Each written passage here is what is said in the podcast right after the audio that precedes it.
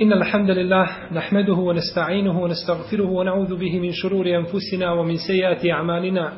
من يهده الله فهو المهتد ومن يضلل فلن تجد له وليا مرشدا. وأشهد أن لا إله إلا الله وحده لا شريك له وأشهد أن محمدا عبده ونبيه ورسوله وصفيه من خلقه وخليله. أدى الأمانة وبلغ رسالة ونصح الأمة وكشف الله تعالى به الغمة. وجاهد في الله حق جهاده حتى أتاه اليقين. يا أيها الذين آمنوا اتقوا الله حق تقاته ولا تموتن إلا وأنتم مسلمون. يا أيها الناس اتقوا ربكم الذي خلقكم من نفس واحدة وخلق منها زوجها وبث منهما رجالا كثيرا ونساء. واتقوا الله الذي تساءلون به والأرحام. إن الله كان عليكم رقيبا. يا أيها الذين آمنوا اتقوا الله وقولوا قولا سديدا. يصلح لكم أعمالكم ويغفر لكم ذنوبكم. ومن يطع الله ورسوله فقد فاز فوزا عظيما. أما بعد فإن أحسن الكلام كلام الله وخير الهدي هدي محمد صلى الله عليه وسلم وشر الأمور محدثاتها وكل محدثة بدعة وكل بدعة ضلالة وكل ضلالة في النار. Danas je na redu 13. hadis od hadisa Umdetul Ahkama u kome je Nuaym el Mujammir kaže čuo sam Ebu Hureyru radijallahu ta'ala anhu da je rekao kaže Allahu poslanik sallallahu alaihi wasallame inna ummeti yud'auna yawma al-qiyamati gurran muhajjalina min athari al-wudu faman istata'a minkum an yutila gurratahu falyaf'al rekao je poslanik sallallahu alaihi wasallame u istinu će moj ummet na sudnjem danu doći gurran muhajjalin kasnije ćemo objasniti šta znači ove dvije riječi. Gurran i muhajjaline min atharil wudu od tragova abdesta doći će na sudnji dan i bit će prozivani i pozvani gurran muhajjaline od tragova abdesta. Pa ko može od vas neka produži pranje svoga gurra. U drugoj verziji ovoga hadisa Ebu Hureyre kaže ili kaže ovaj Nuaym el Mujammir Rajtu Eba Hureyre te tevoddae fe gasele vođhehu u jedejhi hatta kade jeblugal menkibejni ثم غسل رجليه حتى رفع إلى الساقين ثم قال سمعت رسول الله صلى الله عليه وسلم يقول إن أمتي يدعون يوم القيامة قرا محجلين من آثار الوضوء فمن استطاع منكم أن يطيل قرته فليفعل rekao je, znači Nuaym el-Mujammir, vidio sam Ebu Hureyru kako se abdestio, pa je oprao svoje lice i ruke, pa je skoro pravo ih do ramena, pa je oprao svoje noge perući jedan dio potkoljenica. Pa je potom rekao, čuo sam poslanika sallallahu alaihi wasallame, da je rekao, potom je spomenuo citirani hadis. U jednoj verziji kod imama muslima u njegovom sahihu, kaže Ebu Hureyre radijallahu anhu, samijatu halili sallallahu alaihi wasallame je kul, teblugu l'hilijetu minel mu'mini, hajthu jeblugu l'vudu. Čuo sam, kaže moga prijatelja, poslanika sallallahu alaihi wasallame, kako je kazao, doći će ukrasi od vjernika i doprijeće do onde dokle je dopirao abdest. Ovaj hadis, hadis Ebu Hureyre, je hadis koji u sebi ima veliko značenje. Hadis koji govori o jednoj od odlika abdesta, tog značajnog i bitnog ibadeta. Ovdje smo spomenuli Nuajma el-Muđemira. On je Nuajm ibn Abdillah el-Medeni el-Kureši. Tabiin koji je prenosio od Ibnu Omara i Enesa i sjedio je u halkama Ebu Horeire više od 20 godina. Družio se znači sa Ebu Horeirom više od 20 godina. I on je znači pouzdan, pouzdan tabiin. Ebu Hureyre poznati ashab o kome smo govorili kada smo spominjali drugi hadis Umdetul Ahkam Govorili smo znači o njegovoj biografiji. Možemo samo kratko spomenuti da se zove kako?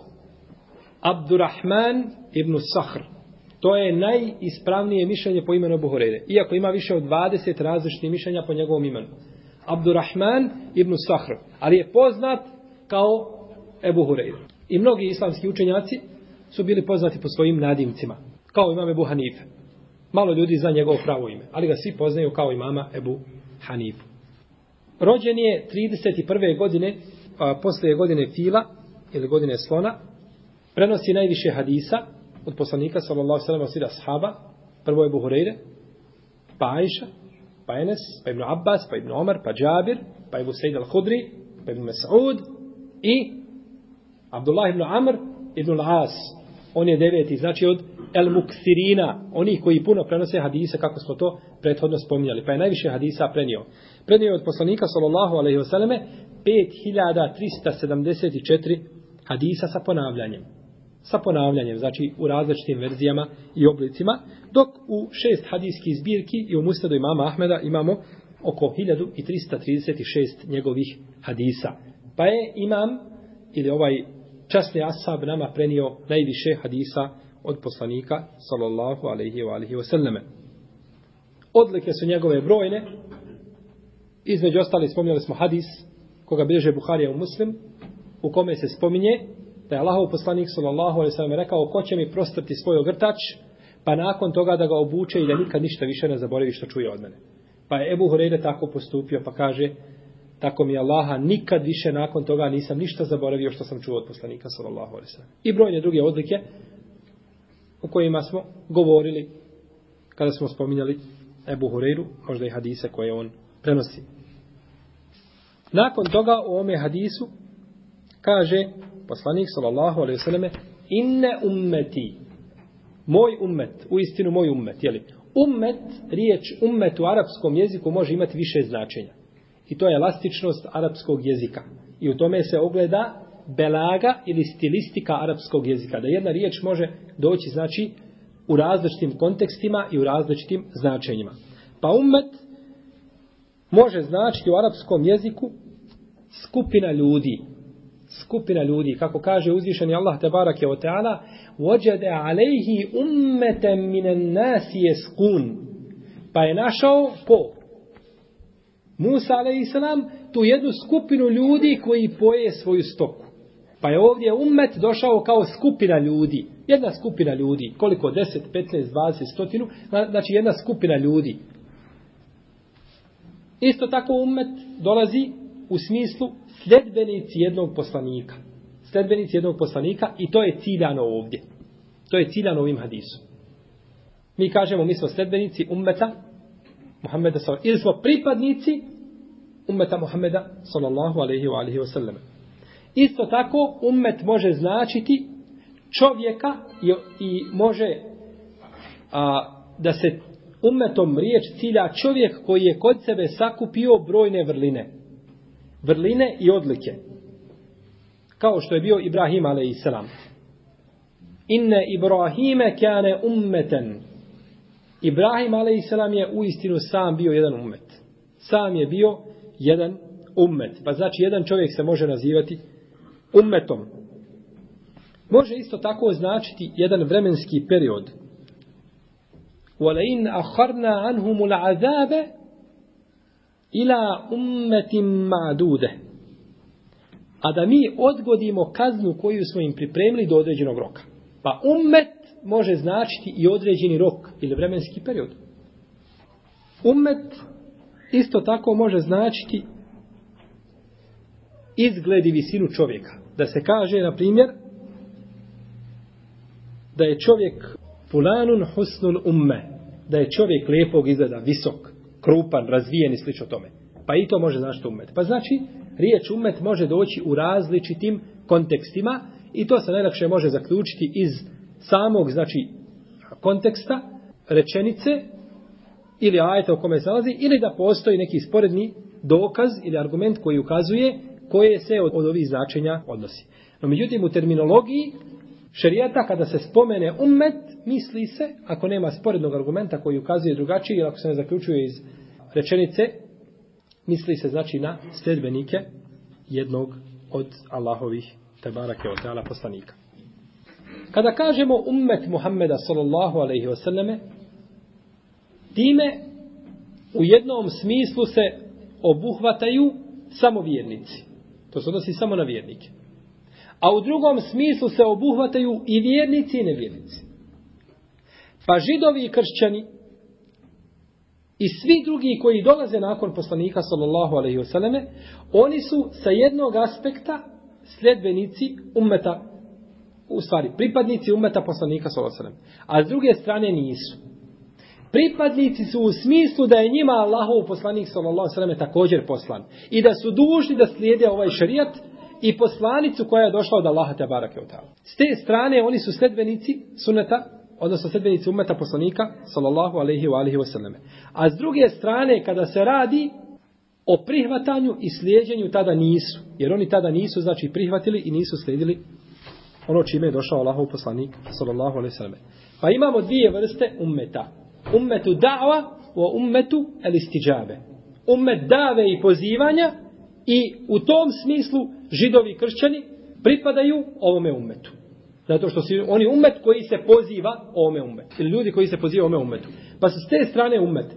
Ali ummetu istiđave, oni koji su se odazvali s te strane nisu ummet. Jer se nisu pokorili šarijetu poslanika sallallahu alaihi wa alihi wa sallam. Ovdje kaže poslanik sallallahu alaihi wa sallame biće pozivani biće pozivani na obračun ili da, da se njihova djela važu na mizanu ili slično tome. Znači biće pozivani kako i gdje nije došlo. Bilo da se radi o obračunu, o vaganju dijela, nije bitno u svemu tome, u svemu tome je hajr. Sada dolazimo do značenja hadisa. Kazali smo da je poslanik sallallahu sallam rekao inne ummeti judaune jeumel qiyameti gurren muhađelin. Gurren znači bijelina na glavi konja. U jeziku gur, taj znači bijelina, to je množina riječi, znači bijelina na glavi konja. A etahđil znači bijelina na njegovim nogama, na njegovim potkoljenicama. Na njegovim potkoljenicama koja ide od kopita, znači ka gore. Ta bijelina kada bude, pa ako ste kada vidjeli konja, mogli ste vidjeti da ima znači bijelinu, to je posebna jedna vrsta konja, koja ima znači bijelinu koja ide od kopite pa nagore, znači prema uz potkoljenicu, jel? Pa je znači gur bjelina na čelu, a i onaj gore godi dio glave, a et tahđil je bjelina znači na njegovim nogama. Ovdje se misli kada se kaže el gur da se pere, misli se da se pere lice i čelo i prvi ovaj dio glave. Prvi znači ovaj dio glave. To je pranje što više. Femen istata minkum en yutile gurretehu fel. Ako od vas može da produži svoj gur i da ga što više pere, neka tako uči. Pa je znači po ovome hadisu legitimno i ispravno i sunnet da se pere i prvi dio glave pri abdestu. Ovo je znači iz poljašnjeg zaključivanja ovoga hadisa. No međutim, mi ćemo pojasniti kasnije i dokazati da se time nije ciljalo to, odnosno da ovaj hadis ima u sebi ono što sprečava da se radi, znači po ovome razumijevanju. Ibn Battal i Qadi Iyad kažu da su se islamski učenjaci složili da nije ispravno čovjeku da pere pri abdestu više od onoga što je propisano šerijatom. Znači da ne treba prelaziti preko lakata, niti treba prelaziti preko članaka i slično tome. Nego treba prati samo ono što je propisano. I kažu da se ulema složila na tome. Imam Neovi se oštro suprostavio i kaže da je ovo da'wetun baltile. Kaže to je ništavno mišljenje koje nikakve težine nema. Kaže kako može biti tako nešto? Kada je, kaže, poslanik sallallahu alejhi ve to činio i kada je to činio Ebu Horeire i kada su to činili drugi. Kako onda može biti konsensus pravnika, konsensus pravnika na nečemu? Isto je to kazao Ibnu El Muleqin, poznati šafijski pravnik, nije prihvatio znači ovaj konsensus koga spominju, znači ova dvojica islamski islamski učenjaka, mislim na Ibnu Battala i Kadiju i Jaba. Dakle, pranje dijelova tijela više od onoga što je propisano, misli se propisano Kur'anom, jeli? Je legitimno, jer je tako došlo u sunnetu poslanika sallallahu alaihi wa sallame. U muslimovom sahihu ima hadis koji rješava ova razilaženja i koji nam pojašnjava kako je to poslanik sallallahu alaihi wa sallame činio. Pa se kaže da je Ebu Hureyre abdestio jedne prilike, da je oprao dio svojih nadlaktica i dio svojih potkoljenica sa rukama, znači nogama. Perući ruke, dio nadlaktica i perući noge, dio potkoljenica. Potom je kazao, vidio sam poslanika, sallallahu alaihi sallam, da se ovako abdestio. Ovo je zaista jasno predanje, jasan hadis, jer ne bi Ebu Horeire činio nešto, pa onda to prepisao poslaniku, sallallahu alaihi Nego se abdestio i kaže, vidio sam Allahov poslanika da se ovako abdestio. Neki su pokušali kazati da se to odnosi na način abdestenja, poredak i slično tome, no međutim hadis je došao općenito. Ovako se abdestio. Kao, kao što sam ja abdestio se, tako je činio Allahov poslanik sallallahu alaihi wa alaihi wa A Ebu Hureyre prenosi ovaj hadis. Hadis, jeli, da će biti prozivan umet gurren muhađeline. A mi smo kazali da ravija hadisa, šta? Najbolje razumije hadis. Ebu Hureyre prenosi ovaj hadis i potom on se abdesti i pere iznad svojih laktova i iznad svojih članaka. A ravija hadisa najbolje ili bolje razumije hadis nego što ga razumiju, što ga razumiju drugi. Ovo nije generalno pravilo, ali uglavnom biva tako. I bile živno je Bišejbe u svome El Musannefu sa lancem prenosilata za koga Ibnu Hajar kaže da je dobar, kaže Nafi' vidio sam Ibnu Omara da se abdestio ljeti i da je pravo ponekad i nešto od svojih nadlaktica, pa u jednoj predaji kaže skoro da je došao i do pazuha.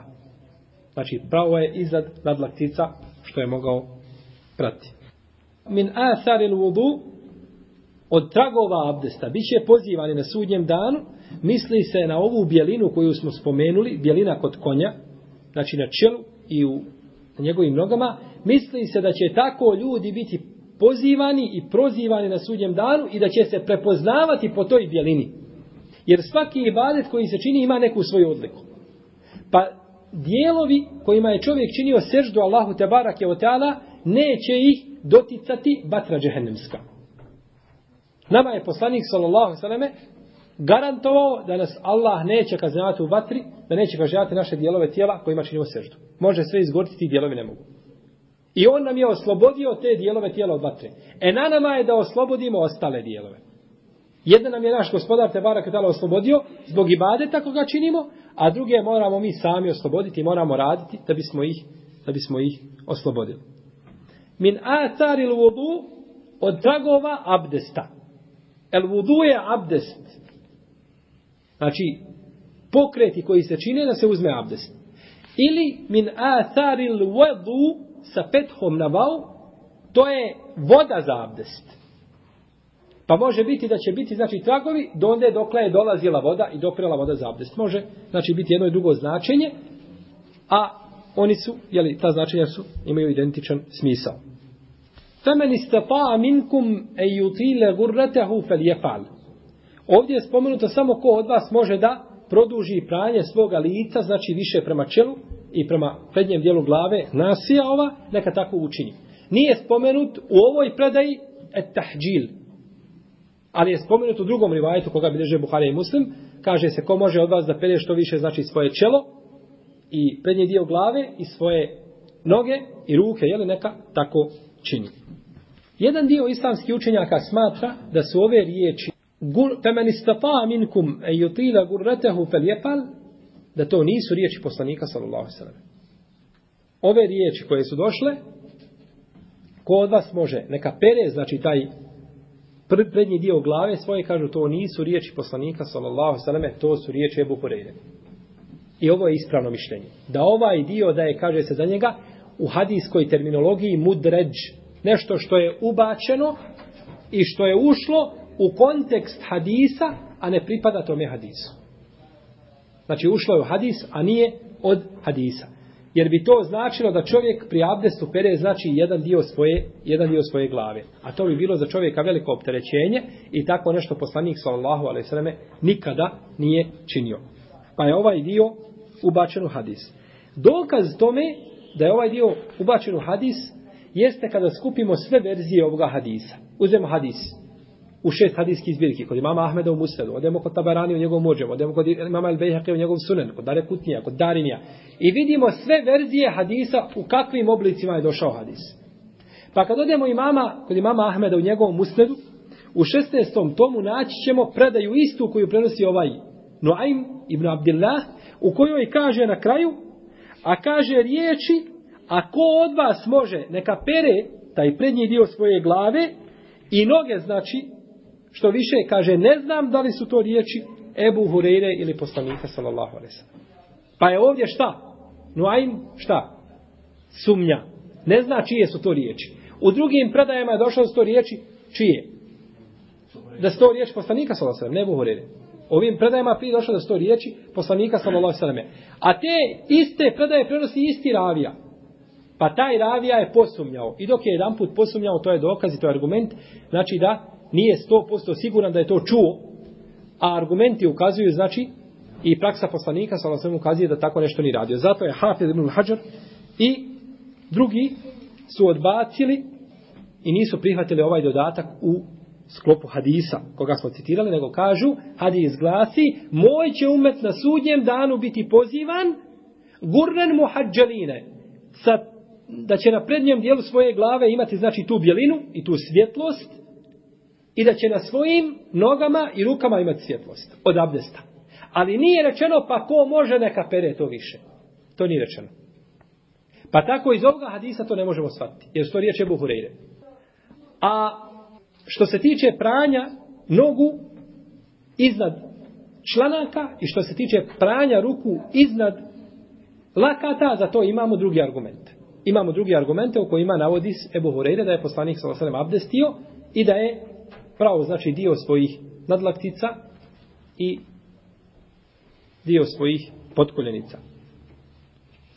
Tako znači da je taj postupak legitiman iz drugih argumenta. A što se tiče ovoga hadisa, on ne može poslužiti kao argument zato što su hadijski slušaci poput Ibn Hadžara i brojni drugi prigovorili i kazali da je ovaj dodatak ubačen u kontekst hadisa, a da nije od njega.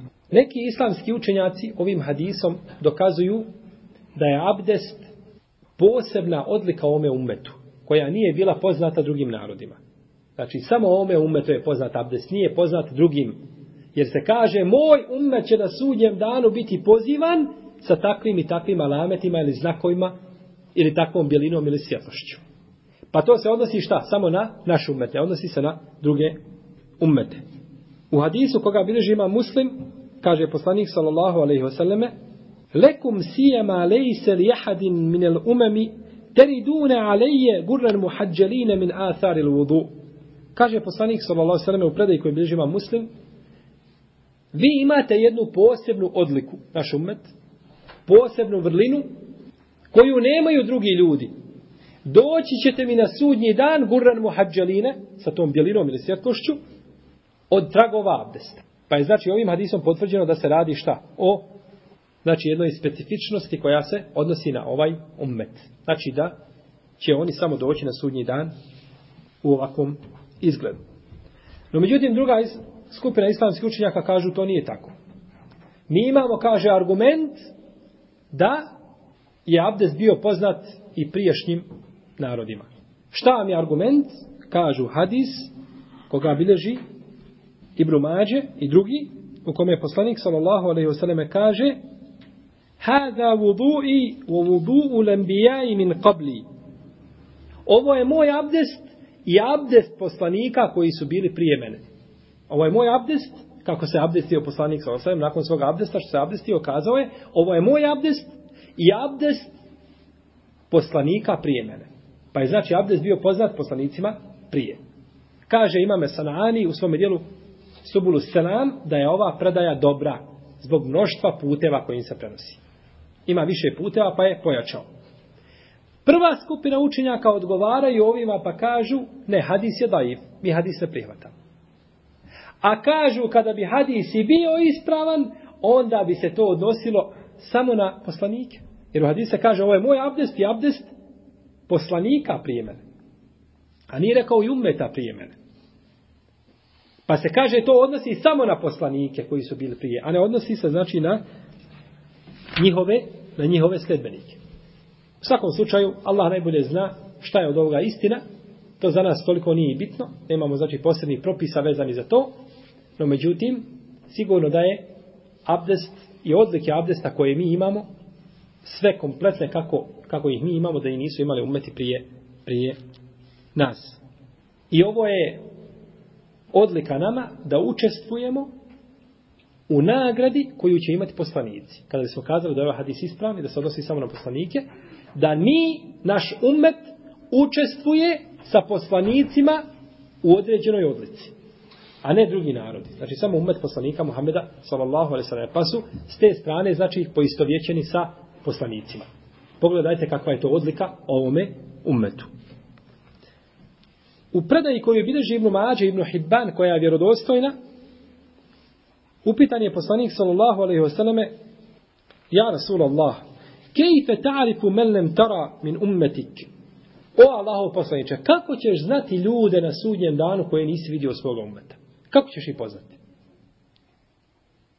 Subhanallah, koliko su ashabi bili brižni da pitaju za nas. Jer mi nismo danas pitali ovo pitanje. Allaho poslaniče, ti se poznate Ebu Horeiru, Ibnu Omara, i Džabira, i druge. No međutim, kako ćeš poznat nas?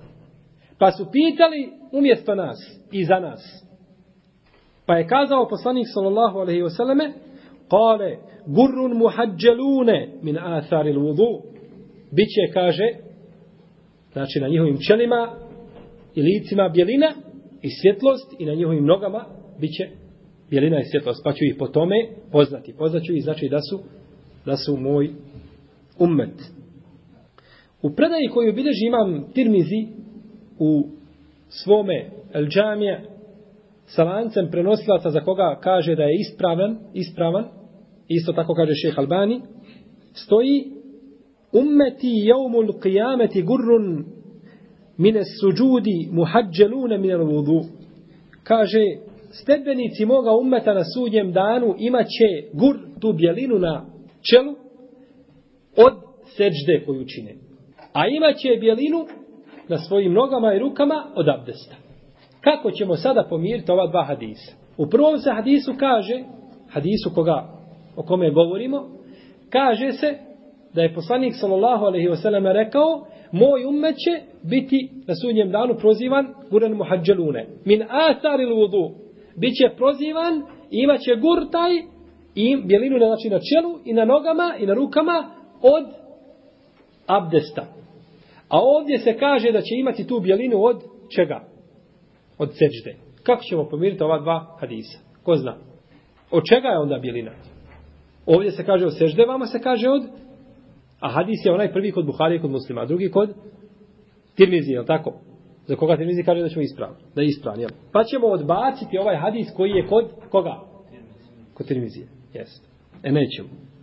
Nego ćemo pomiriti hadise. Hadisi se ne smiju poslanika sallallahu sallam nikako odbacivati ako su ispravni.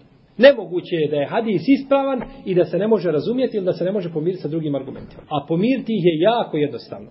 Na način da kažemo ta bjelina na licu će biti iz dva razloga. Od sežda i od abdesta. A bjelina na nogama i rukama samo od abdesta. Ima li problema da se tako kaže? Nema nikakve. Mi možemo dati čovjeku jednu nagradu zbog skupine dijela koje je učinio. Učenik redovno dolazi nekasni. Redovno piše zadaću. Aktiva na času. Primjernog vladanja. I onda na kraju profesor dođe i donese mu jedan poklon. Za sve one stvari koje je činio donese mu jedan jedan poklon. Možda za svaku od tih stvari ne bi zaslužio takav poklon. Ali kada je učinio skupinu tih stvari zaslužuje poklon. Ili možda da je zaslužio za svaku, za svaku od tih stvari poklon, a on mu je dao samo jedan poklon. A uzvišen je Allah te barak je od tala najrealnije nagrađuje svoje robove. Pa je ovdje znači bit će nagrada, ta bjelina na čelu će biti zbog abdesta i zbog sežde također, a bjelina na nogama neće biti osim zbog čega? Zbog abdesta. Pa da ne bi čovjek došao, kada bismo kazali da može biti tako, da se ne abdesti, ili da ne uputpunjava svoj abdest kako treba, neće zbog sežde imati šta? Bjelinu na, nogama. Jer, znači, sežda biva bjelina koja je, zbog sežde biva na čelu ili na prednjem dijelu glave na nasilja. Ovdje se kaže ukrasi vjernika će dopirati dokle je dopirao abdest. U onoj drugoj verziji koju smo spominjali. Šta znači ukrasi vjernika dopiraće dokle dopira abdest? Ukrasi znači stanovnika dženneta. I ukrasi znači koji će biti kod stanovnika dženneta.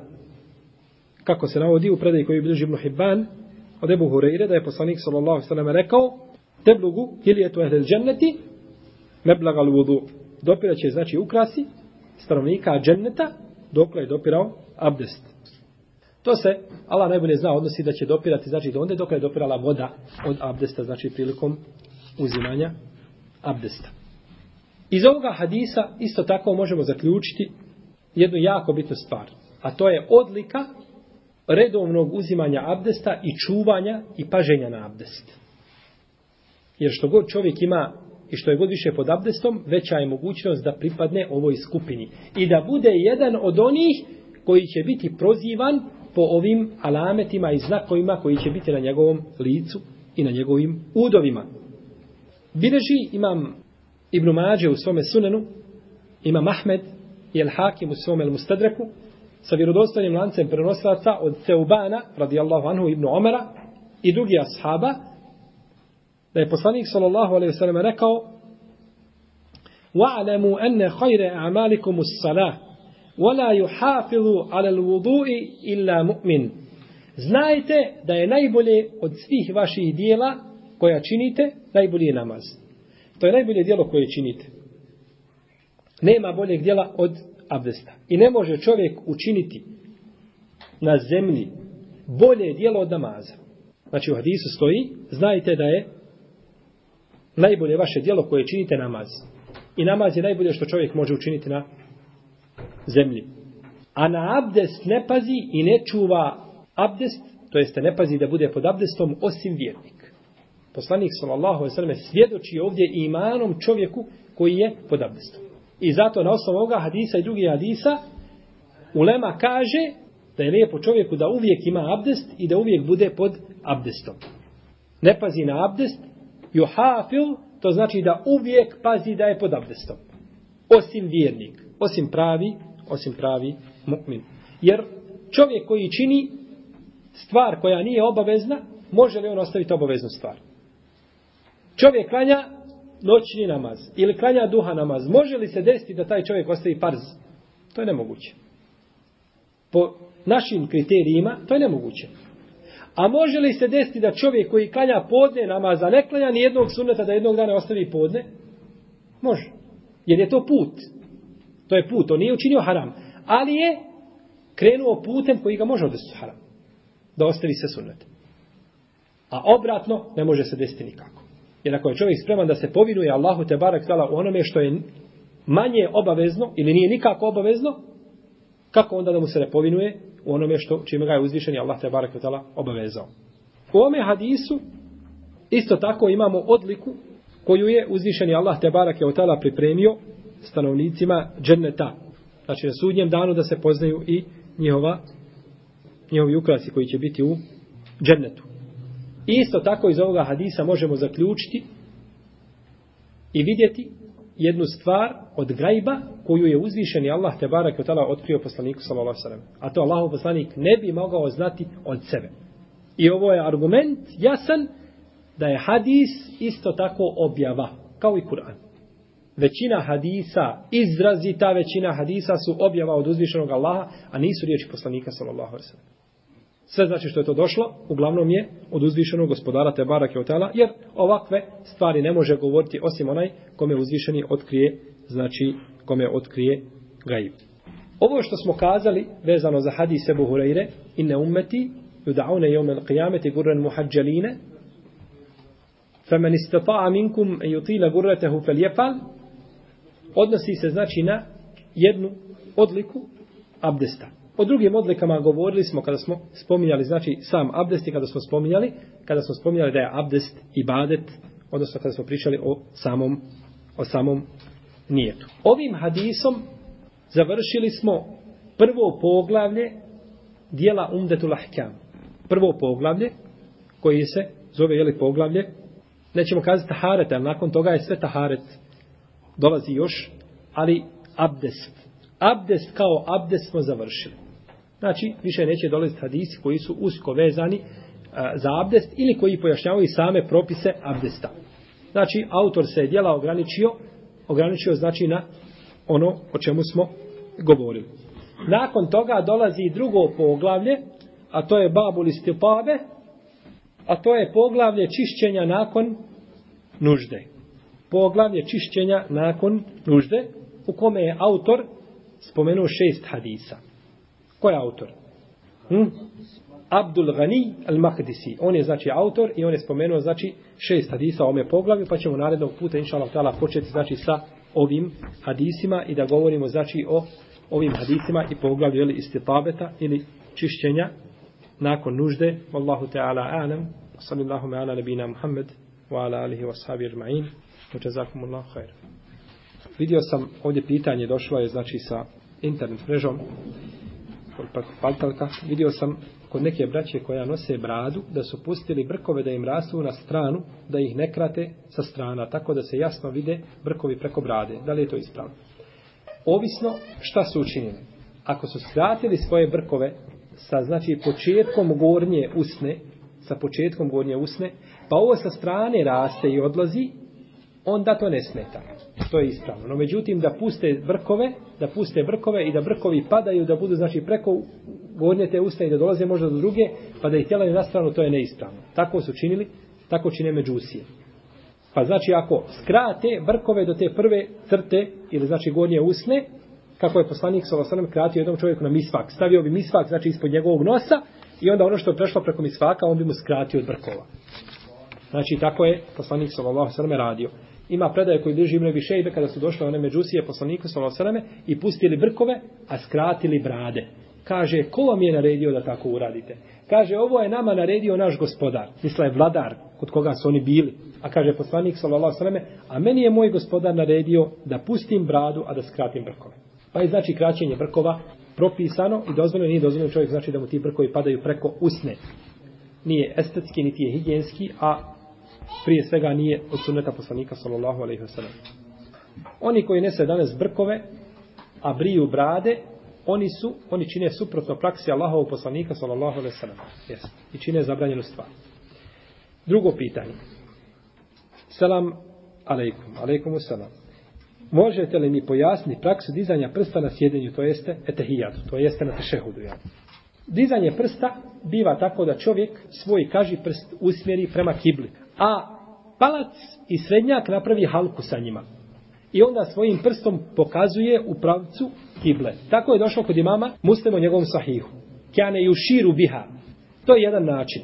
Drugi način je da ga čovjek pomjera.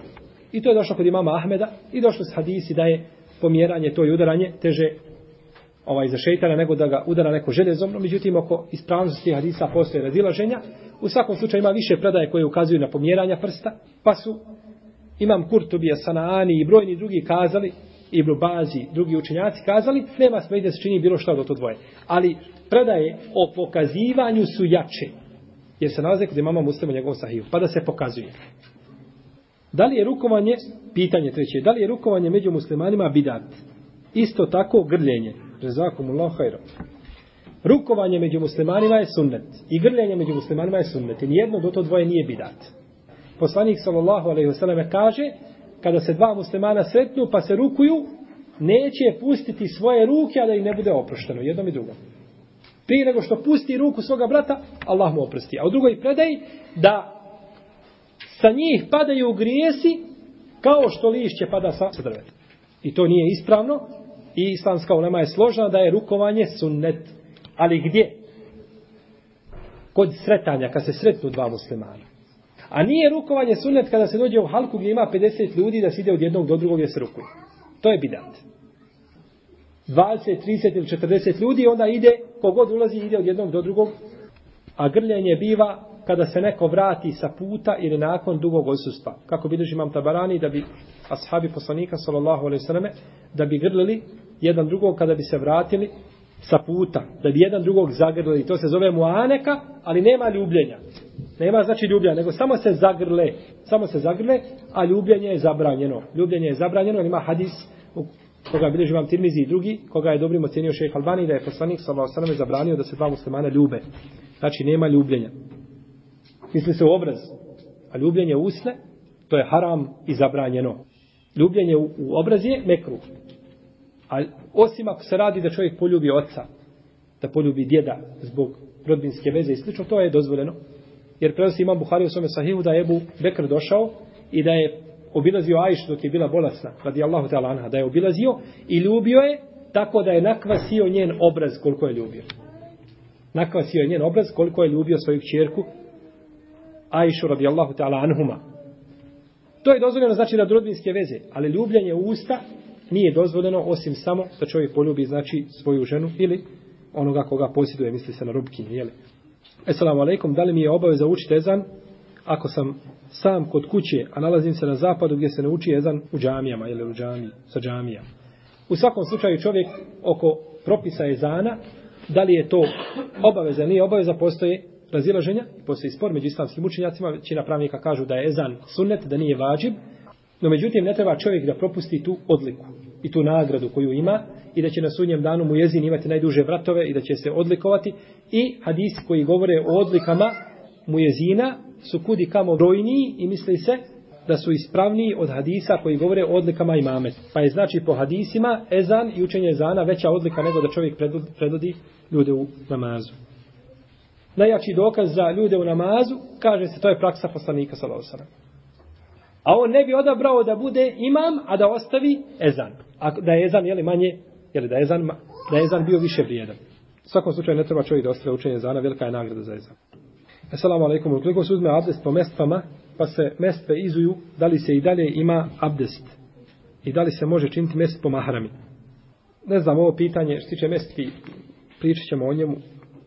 U svakom slučaju, islamska ulema se razilazi, većina pravnika kažu da se gubi abdest kidanjem mestvi, ako se je potiralo po mestama. Znači, ko je obuo mesta, pa potirao po mesta, pa skine čarape, ili mestve, ili cipele, nije bitno šta je već kao ima mestve, on gubi abdest po većini pravnika. No, međutim, ispravno je da se tu ne gubi abdest. Nema argumenta koji kazuje da se gubi abdest. Abdest ne može izgubiti osim i ne može se znači tvrditi da se abdest gubi osim ako postoji vjerodostojan argument za gubljenje znači abdesta.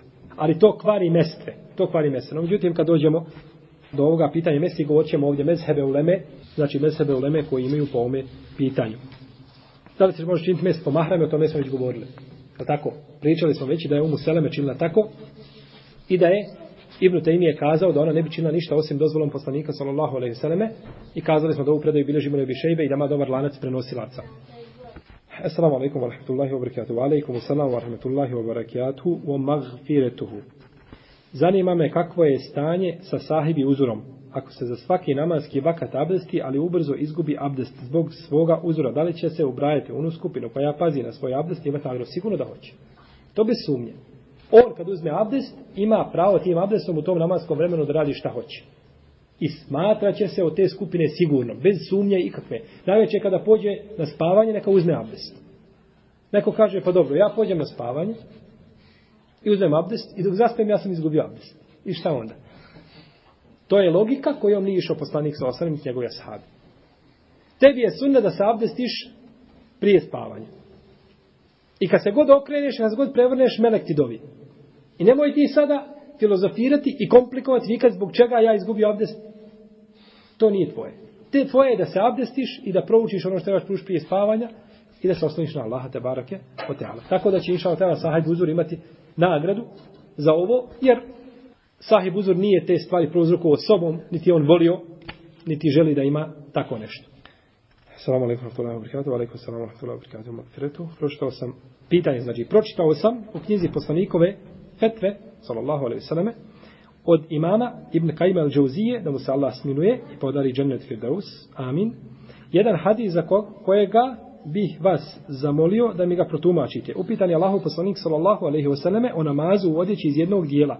Pa je rekao, zar svako od vas ne može naći odjeću iz dva dijela? Od tefekun alaihi. Šta znači odjeća iz jednog dijela i šta znači odjeća iz dva dijela? Molim vas za pojašnjenje da vas Allah nagradi svakim dobrom. Prvo, odjeća iz jednog dijela, poslanik sallallahu alejhi ve selleme kaže u vjerodostojnom hadisu, neka od vas niko ne klanja u odjeći iz jednog dijela, a da na njegovim ramenima nema nešto od te odjeće. Kako sad jedna odjeća? To je bilo jednostavno komad platna koji je bio duži koga bi čovjek komoto oko sebe, poput današnjih hrama, pa bi jedan onaj donji dio provukao ispod, odjeć, ispod znači toga i nabacio na jedno rame, a kraj kada završi drugog na drugo rame. Pa bi tako bilo pokrivena ramena. Pa tako nije dozvoljeno čovjeku da klanja od skrivenih ramena.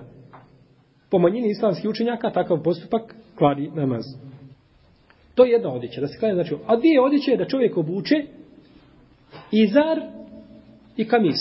Da obuče košilju i znači dole pantalone. Da obuče pantalone, jeli, koje su naravno adekvatne za namaz, da budu široke, neprovidne i slično tome, da nije odjeća nevjernika i slično tome, to su uvjeti, jeli, odjeće u svakom vrijeme, posebno jeli, u namazu. Tako znači da je poslanik sa osvijem najčešća njegova odjeća bila, kako došlo u vjerodostojnom hadisu, da je oblačio taj izar i kamis. Košulju znači i dole šire neke pantalone. Kako su tačno izgledale, nije opisano u sunnetu poslanika sallallahu alaihi wa alihi wasallam. To je znači odjeća iz dva dijela. Allahu ta'ala alam. Sallallahu ala nabina Muhammed wa ala alihi wa sahbihi